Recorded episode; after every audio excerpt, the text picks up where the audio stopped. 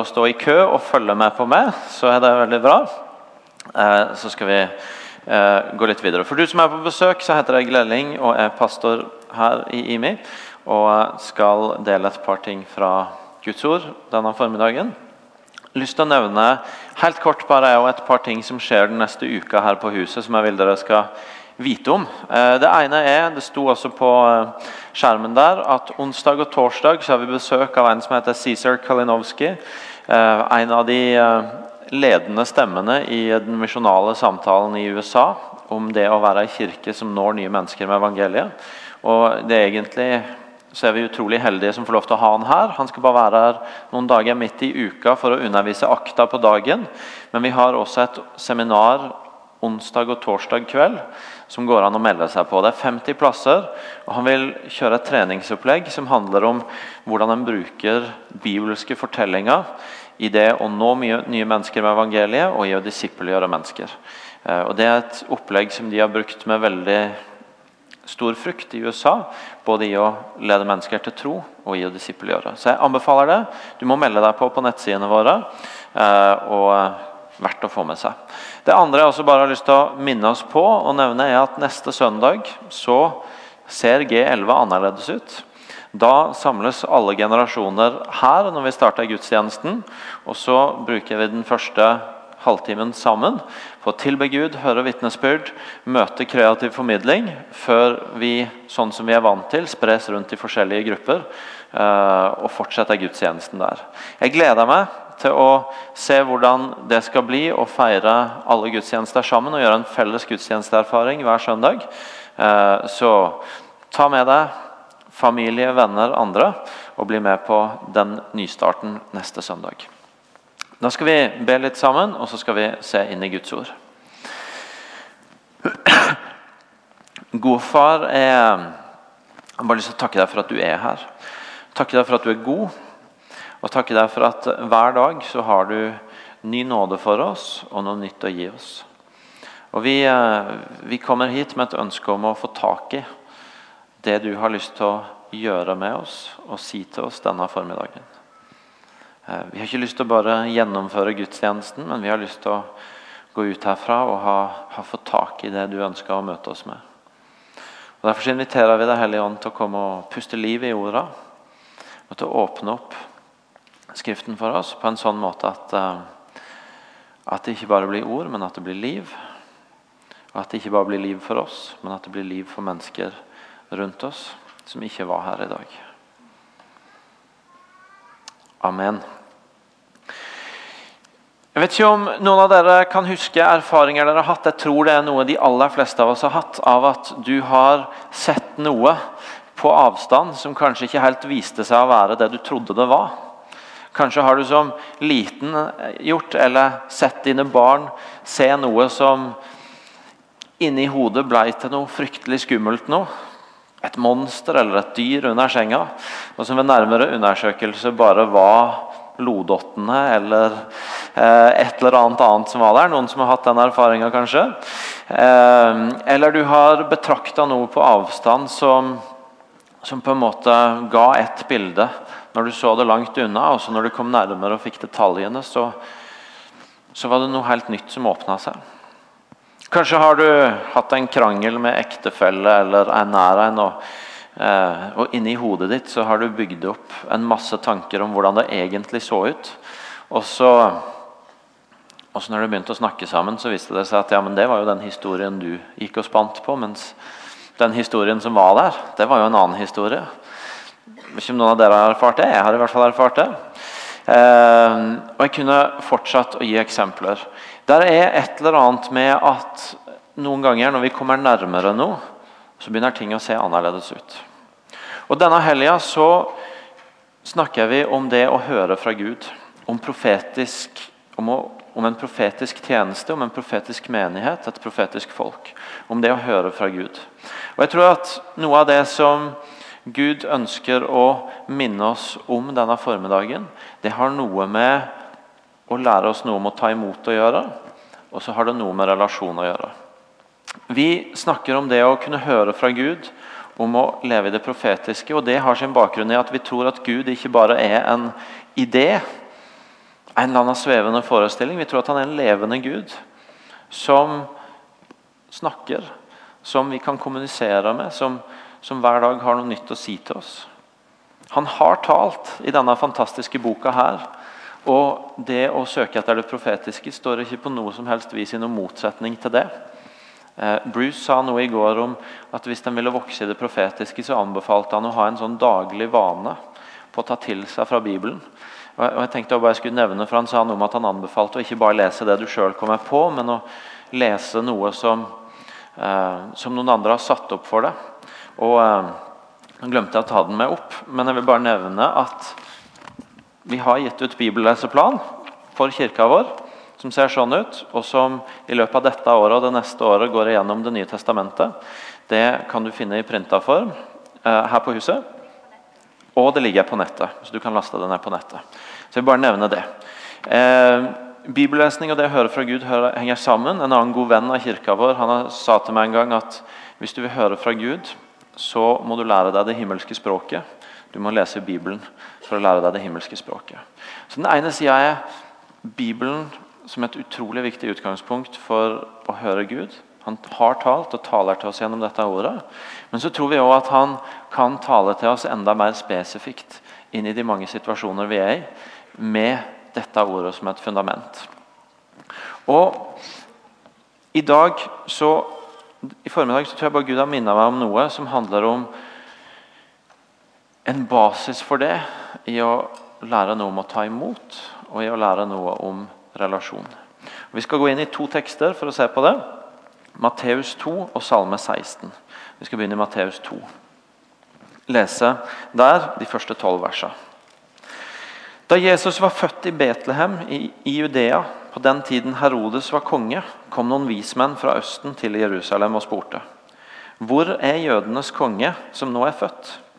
Vi har sett stjerna hans gå opp, og vi er kommet for å hylle han. Da kong Herodes hørte det, ble han svært urolig, og hele Jerusalem med han. Han kalte sammen alle overprestene og folkets skriftlærde og spurte de ut om hvor Messias skulle bli født.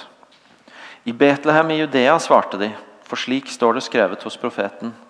Du, Betlehem i Judaland, er slett ikke den ringeste av fyrstene i Juda. For fra deg skal det komme en fyrste som skal være hyrde for mitt folk, Israel. Da kalte Herodes vismennene til seg i all stillhet og spurte de nøye ut om tiden da stjernen hadde vist seg. Så sendte han de til Betlehem og sa, dra av sted og forhør dere nøye om barnet. Og når dere har funnet det, så meld fra til meg, for at også jeg kan komme og hylle det. Da de hadde hørt kongens ord, dro de av sted, og se, stjernen som de hadde sett gå opp, gikk foran de, inntil den ble stående over stedet der barnet var. Da de så stjernen, ble de fylt av jublende glede. De gikk inn i huset og fikk se barnet hos moren Maria og de falt på kne og hyllet ham. Så åpna de skrina sine og bar fram gaver til barnet. Gull, røkelse og myrra. Men i en drøm ble de varsla om at de ikke måtte vende tilbake til Herodes, og de tok en annen vei hjem til sitt land. To enkle ting. Jeg skal ikke legge ut hele den teksten, men jeg vil to enkle ting bare stoppe opp for. Når jeg leste denne teksten på nytt igjen nå for øvrig gjennom denne bibelleseplanen vår. Så ikke tro at jeg bare lager den og gir den ut for at dere skal lese. Jeg holder på med det sjøl òg. Eh, og når jeg leste denne teksten om igjen på starten av året etter jula, så, så var det én ting som slo meg, som jeg vet på en måte er litt sånn det er egentlig litt urettferdig. fordi at det vi skal gjøre når vi leser disse tekstene, det er å prøve å gå inn i de og skjønne, på en måte leve oss inn i hvordan de som faktisk opplever det, forsto det og hadde det og måtte på en måte se det. Eh, kanskje mer enn å stille oss på utsida med alt det vi vet, og felle våre dommer over hvordan de opptrådte. Men akkurat denne gangen så tillater jeg meg nå det. da. Og Det bare, det bare slo det meg det merkelige at Guds sønn blir født. Og så blir det til et stort problem. Det blir ikke noe man feirer, noe man tar imot med åpne armer, at Gud gir sin egen sønn som gave.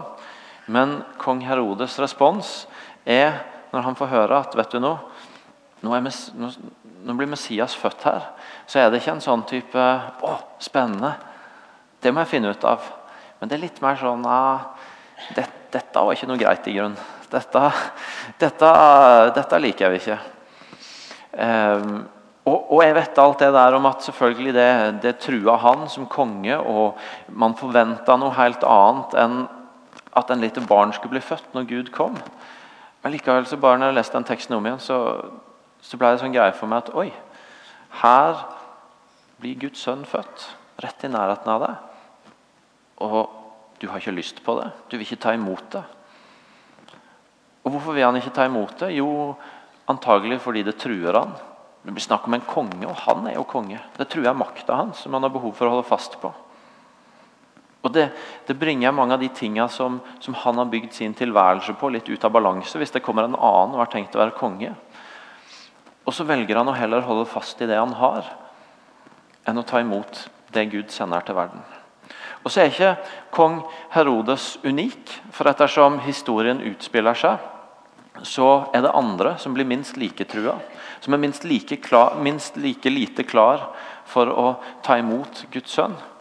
Og som heller velger å kjempe for å holde fast på det de har, på de posisjonene de har, på den virkeligheten de har, på den hverdagen de har, på den forståelsen de har, enn å omfavne at nå gjør Gud noe nytt. Nå sender han noe nytt. Og Det i seg sjøl er en utfordrende observasjon å gjøre, som vi om en liten stund skal snakke litt om, kanskje utfordrer oss også litt. Men det andre i denne teksten som jeg synes er interessant, det er forskjellen mellom kong Herodes og vismennene i hva de gjør. Fordi Kong Herodes han, han får altså besøk av noen som sier at, eh, at De spør hvor er jødenes konge som nå er født. Vi har sett stjernen hans gå opp, og vi er kommet for å hylle han. Så han får høre at her har det skjedd noe. Jødenes konge er født, og vi har sett det i stjernene. Det er jo interessant at folk kunne se det i stjernene i seg sjøl, men vi skal ikke gå inn i det nå. Men eh, han, han, får det budskapet, og, og, så blir han, som jeg nettopp har sagt noe om, ikke veldig begeistra for det. Tvert imot. Og hva gjør han så?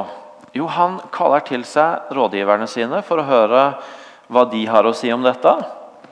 Og så spør han ut litt mer disse vismennene som har tenkt å gå og se. Og Så henter han inn en masse ting, og så ber han til og med vismennene om å spionere litt for han. Reis bort og se hva det er, dere, og så kom tilbake og fortell meg. Men det er ingenting som tyder på at han får en idé om at kanskje han skulle hive seg på Jeg har ikke sjekka om han skulle heve seg på en hest eller kamel, eller hva han hadde valgt. Nei, ingen av dere som vet heller. Men i hvert fall å hive seg på et eller annet, ikke i en bil i hvert fall, for å reise og se dette barnet og finne ut hva det er, og få et forhold til det. Han sender ut spioner, han kaller til seg rådgivere, han samler informasjon. Men det er ingenting som får han til å tenke på at ah, kanskje jeg skulle stikke og finne ut av det sjøl. Vismennene de ønsker å finne ut hvor han er. Det er deres første spørsmål til Herodes. Ja, men hvor er han? Og når de ikke blir forsvar, eller de, når de hører at i Betlehem i Judea så så fortsetter de dit.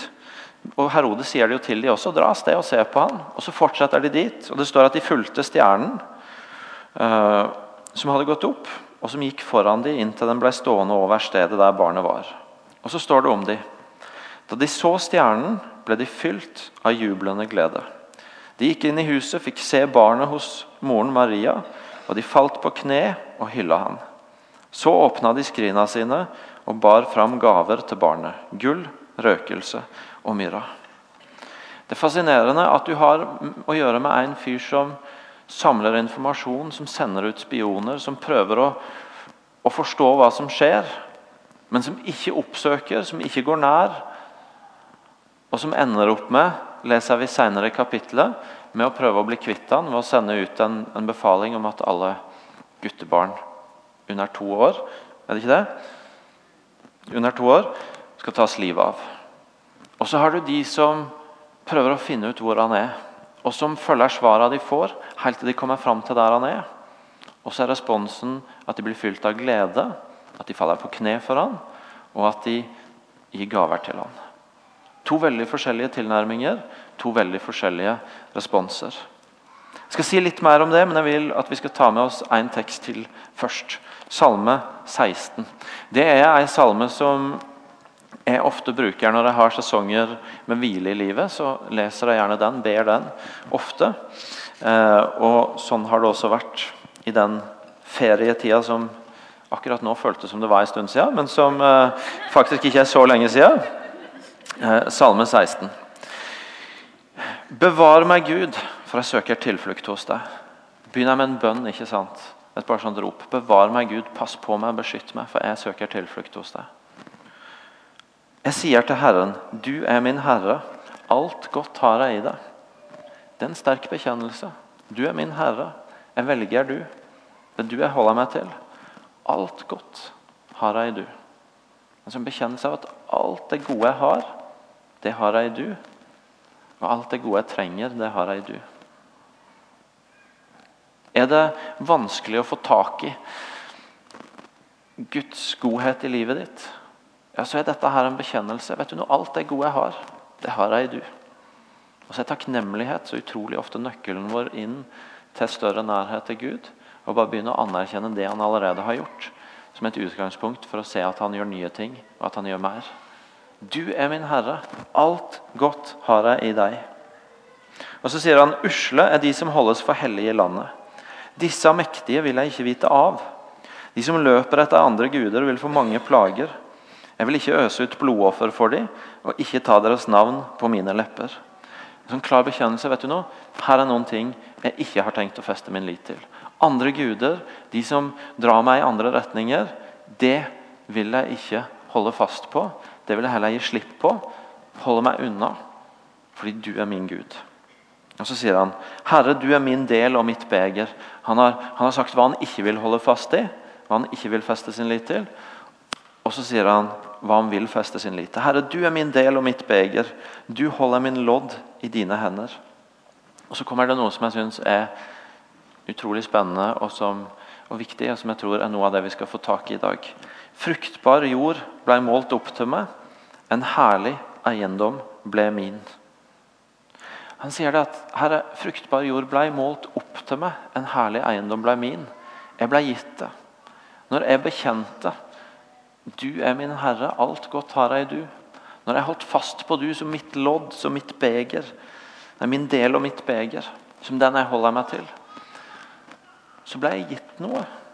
Jeg fikk motta noe. Jeg fikk motta fruktbar jord og en herlig eiendom. Jeg har ikke tid nå til å begynne å legge ut ok, hva betyr altså, hva betydde det for salmisten med fruktbar jord og hellig eiendom. Men, men, jeg har lyst til at vi skal få tak i at han sier ikke engang 'du lot meg innta et land', eller 'du lot meg lykkes med det', eller 'du lot meg, du ga meg styrke til å vinne den delen'. Men han sier bare du, du ga det til meg'.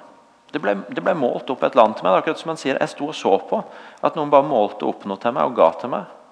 Og så ble det mitt. Og jeg hadde ikke gjort noe annet enn å holde meg til Gud. Bekjenne at han er min del og mitt beger. Bekjenne at alt godt har jeg i han. Og så bare fikk jeg det. Uten noe mer om og men. Jeg bare fikk det. Jeg mottok det. Jeg fikk ikke styrke til å vinne det. Og Jeg sier ikke at det aldri er saken, men akkurat her så er det det han sier. Ikke at jeg vant det, ikke at Gud ga meg styrke til det, men jeg fikk det. Sto bare og så på at de målte det opp. Og så ble det mitt. Jeg velsigner Herren som leder meg. Og så synes jeg det er spennende når han er i denne prosessen hvor han holder seg til Gud. Sier at alt godt får jeg fra du. Du er min del og mitt beger. Og, og du gir meg sånne ting som jeg bare kan stå og motta. Så sier han til og med jeg får råd fra mitt indre også om natta. Han har faktisk så, kommet så langt i den reisen med å holde fast i Gud. Bekjenne seg til at det har det mottar jeg fra han. At til og med når han sover, så taler jeg Gud til han. Til og med når han sover, så, så får han råd fra sitt indre. Fordi han Gud gir det til han. Alltid har jeg Herren framfor meg. Han er ved min høyre side. Jeg skal aldri vakle. Derfor gleder mitt hjerte seg, og mitt innerste jubler. Sjøl kroppen kan slå seg til ro. Du overgir ikke min sjel til dødsriket. Du lar ikke din trofaste tjener se grava. Du lærer meg livets vei. Hos deg er glede i overflod. Fryd uten ende ved din høyre hånd. Når han holder fast og lærer å ta imot, til og med når han sover, så er det et eller annet liv som åpner seg opp for han hos Gud. Som gjør at hjertet mitt gleder seg, mitt innerste jubler. Sjøl kroppen kan slå seg til ro. Hvile. Og så kan han bekjenne helt til slutt at vet du noe, Gud, du lærer meg livets vei. Hos deg er glede i overflod. Hva sa Jesus? Jeg er kommet for at dere skal ha liv og overflod. Du lærer meg livets vei. Hos deg er det glede i overflod. Fryd uten ende ved din høyre hånd. Folkens, Det er tre ting jeg har lyst til at vi skal ta med oss denne formiddagen. Det første handler om å ta imot. Kong Herodes er ikke den eneste som har opplevd at Gud gjorde noe, men han holdt så fast i sine ting at han var ikke klar til å ta imot det. Det skjer med oss også. Vi er òg der at vet du noe, Gud holder på med noe her, men vi har noen ting vi er så glad i eller er så opptatt av eller har fått for oss at det er så viktige, og som vi har behov for å holde så godt fast i at vi noen ganger mister det Gud holder på med her. Bruce sa til oss i går det er ikke vanskelig å høre Gud snakke. Det vanskelige er å gjøre oss sjøl tilgjengelig for det. Og Jeg tror, jeg sa det på fredag, jeg sier det igjen nå, jeg tror Gud ønsker å lære oss noe av denne helga om å ta imot. Om å ta imot fra Gud. Og jeg tror Ved starten av et nytt år så utfordrer han oss alle på om det er noe vi holder så godt fast i at det er vanskelig for oss å få tak i det han sier og holder på med å gjøre her. Noe som godt, henne, godt kan hende kan være bra ting i seg sjøl. Trenger ikke være negative ting. Men som allikevel vi er nødt til å slippe tak i. Fordi det er ikke vanskelig å høre han snakke, men det kan noen ganger være vanskelig å gjøre oss tilgjengelige for det.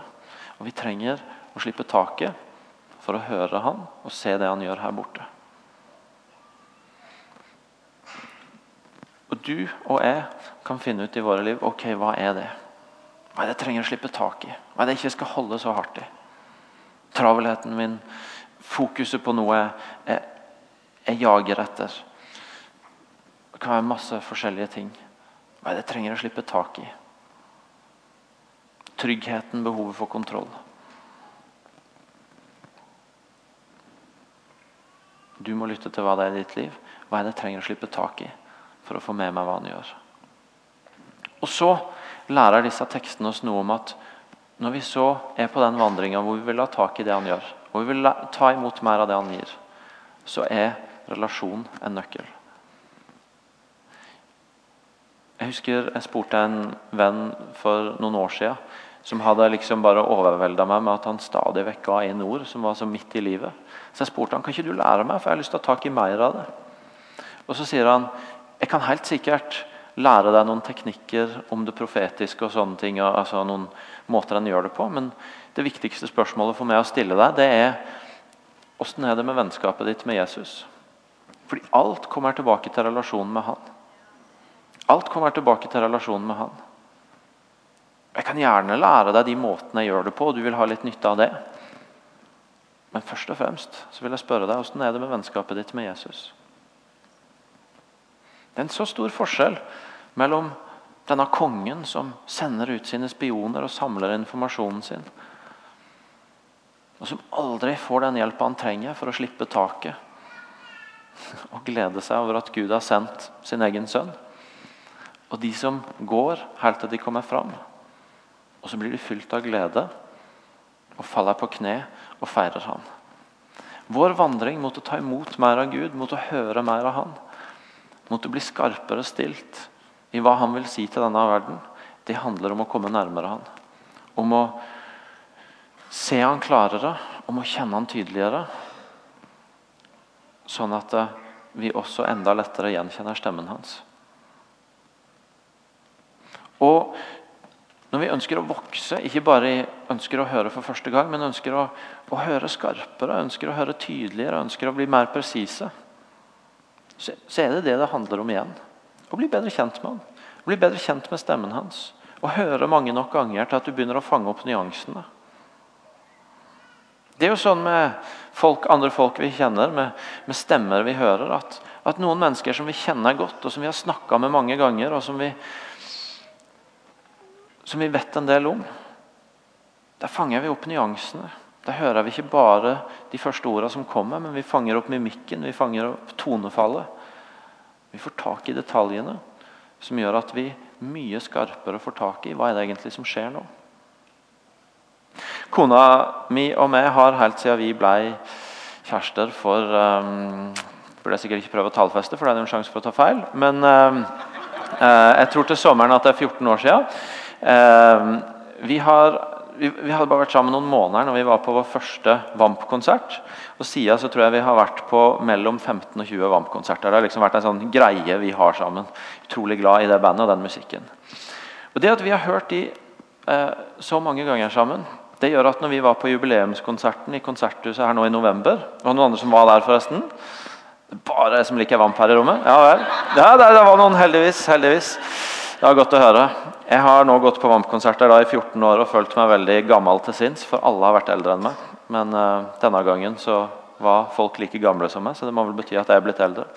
Uansett, Poenget mitt er da at um, fordi vi har hørt de så mange ganger, så kan vi faktisk under konserten lene oss inn til Å ja, de gjorde sånn denne gangen. Det, det, gjorde de ikke før. Om jeg kan synge det litt? Ja. Nei, jeg skal ikke illustrere det. Noen ting må vi ha til gode. Dere tar poenget mitt. Eh, måten å høre skarpere på, måten å høre klarere på, det handler egentlig bare om å fortsette å høre. Høre mer, høre oftere, gå tettere. Og så får vi tak i nyansene. Jeg tror at Gud ønsker i forbindelse med dette med det profetiske også bare invitere oss tettere inn. Så ta imot. Og til å velge å høre. Til å velge å være nær. Til å velge å se skarpere. Til ikke bare å sende ut andre for å hente inn rapportene for oss. Men til sjøl gå tett på og se. Til ikke bare å spørre 'Hva tenker du om det?' men til å heller spørre, som vismennene gjorde, hvor er det? Kan du vise meg veien? Ikke kan du fortelle meg hva som skjer der borte, hvor de holder på å høre Guds stemme.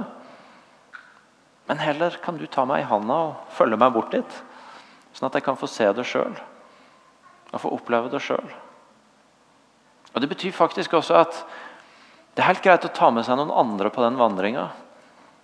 Men ikke bare spør de om hva de mener, om hva de tenker om det. om de har noen gode historier. Men spør de om å leie deg hele veien bort. Spør de om å vise deg det de har. Spør de om å øve sammen med deg. Sånn at det ikke bare blir å betrakte, men at det blir å gå nærmere. For Gud han ønsker å snakke til oss. Han Han ønsker å vise oss ting. Og så må vi legge noe til side, sånn at vi tar imot. Og så må vi trå nærmere, sånn at vi hører klarere. Og så er det det siste. Vi lever jo i en verden hvor det er ganske mange mennesker som overhodet ikke har på radaren sin at de skal legge noe til side for å ta imot fra Gud. Eller trå nærmere han, fordi da kan det hende de ser han litt skarpere. De har enten ikke sett han i det hele, eller så har de danna seg sitt rare eller uskarpe bilde. Og så kommer de ikke på at det går an å gå tettere. Kanskje har de fått inn noen rapporter fra noen andre som de likte eller ikke likte. og så, og så får det være bildet, men, men, det de hadde trengt, var å komme nærmere. Og så er det dette fantastiske med den Gud vi kjenner. At han hele veien, og det snakker vi masse om her på huset Han kommer til oss. Han er i bevegelse mot oss. Han oppsøker oss. Og Tenk deg for et menneske som står på avstand, som ikke har tenkt å slippe tak i noe for å gå nærmere han som ikke har tenkt å ta noen steg nærmere, men som opplever at et annet menneske kommer og gir et ord fra Gud til han eller hun, som viser at om du har tenkt å stå her på avstand og se meg uskarpt, så vil i hvert fall jeg du skal vite at jeg er så opptatt av du at jeg kommer gjerne nærmere du og kikker lenge på deg og ser deg klart og synlig.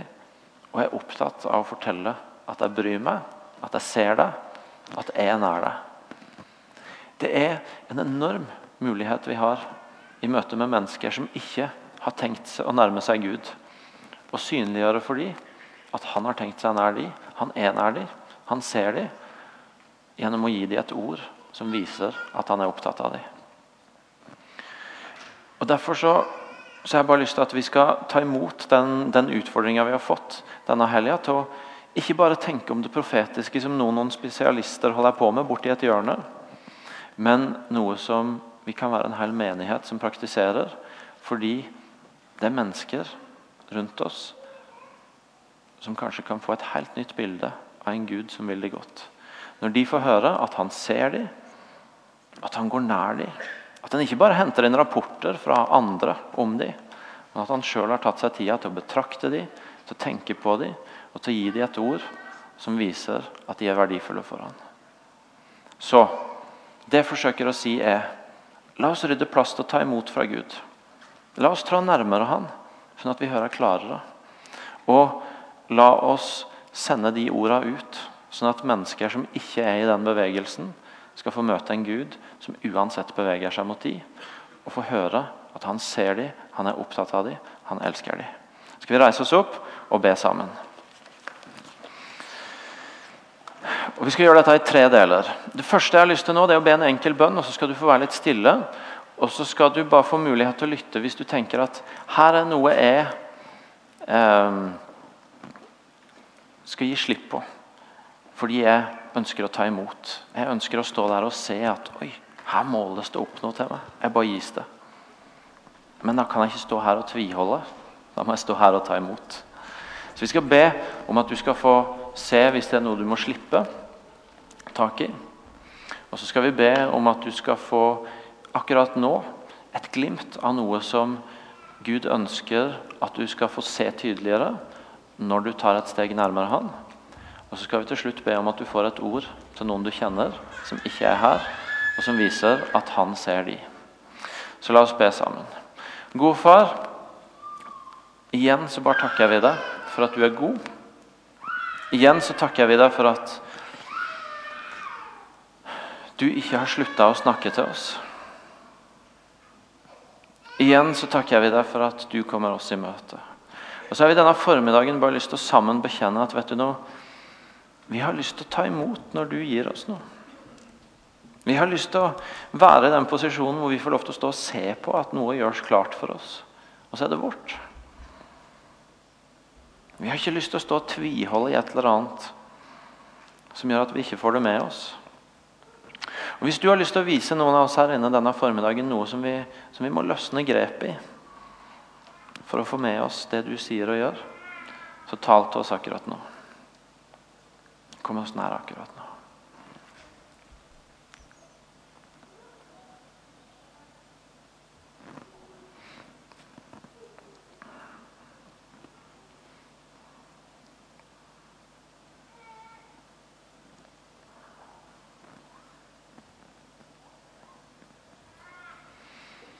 Hmm.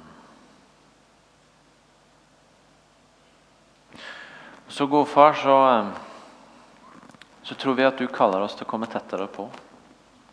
Til å se og høre deg med skarpere øyne og ører.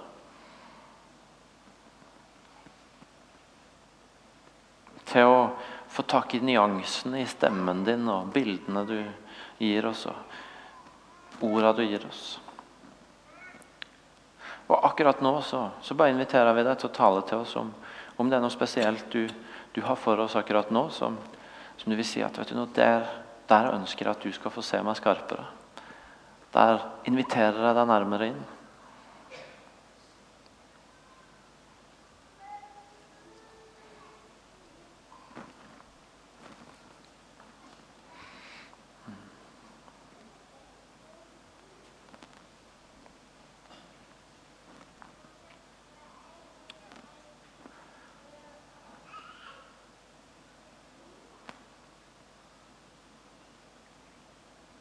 Så vil jeg at du skal velge deg ut ett menneske du er glad i, som ikke er her, som ikke bekjenner tydelig tro på han. Og så ber vi deg bare, kjære far, du som ser alle mennesker, og som ønsker at alle mennesker skal oppleve at de er sett og elska av du. Gi hver enkelt av oss et ord akkurat nå. Til vår venn, vår søster, vår bror. Som kan fortelle dem at du er glad i dem.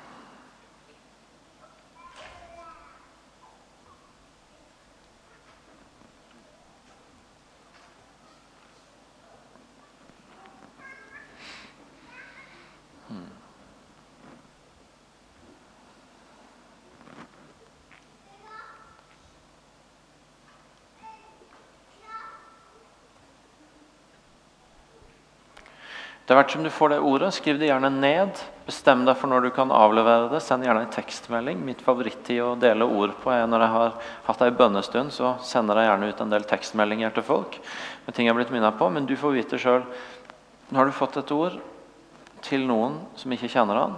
Hva er beste måten å gjøre det på? Treffer han til uka og skal gi det da? Skal jeg ringe han etterpå? Sende ei melding? Sende et kort? Men utfordringa du får med deg, er å ikke bare ha gjort en fin øvelse i kirka en søndag formiddag, men å faktisk gi fra deg ordet. Vi skal tilbe Gud sammen. Forbederne er der borte hvis du ønsker forbønn. Noen av dere må gå og hente barn. Um, dere trenger ikke hente barna før fem på ett. Fantastisk. Så Det betyr at dere har tid til å være igjen til å tilbe Gud og til å søke forbønn der borte. Og ikke minst til å fyre ut noen tekstmeldinger fra en Gud som har talt til noen som ikke kjenner han.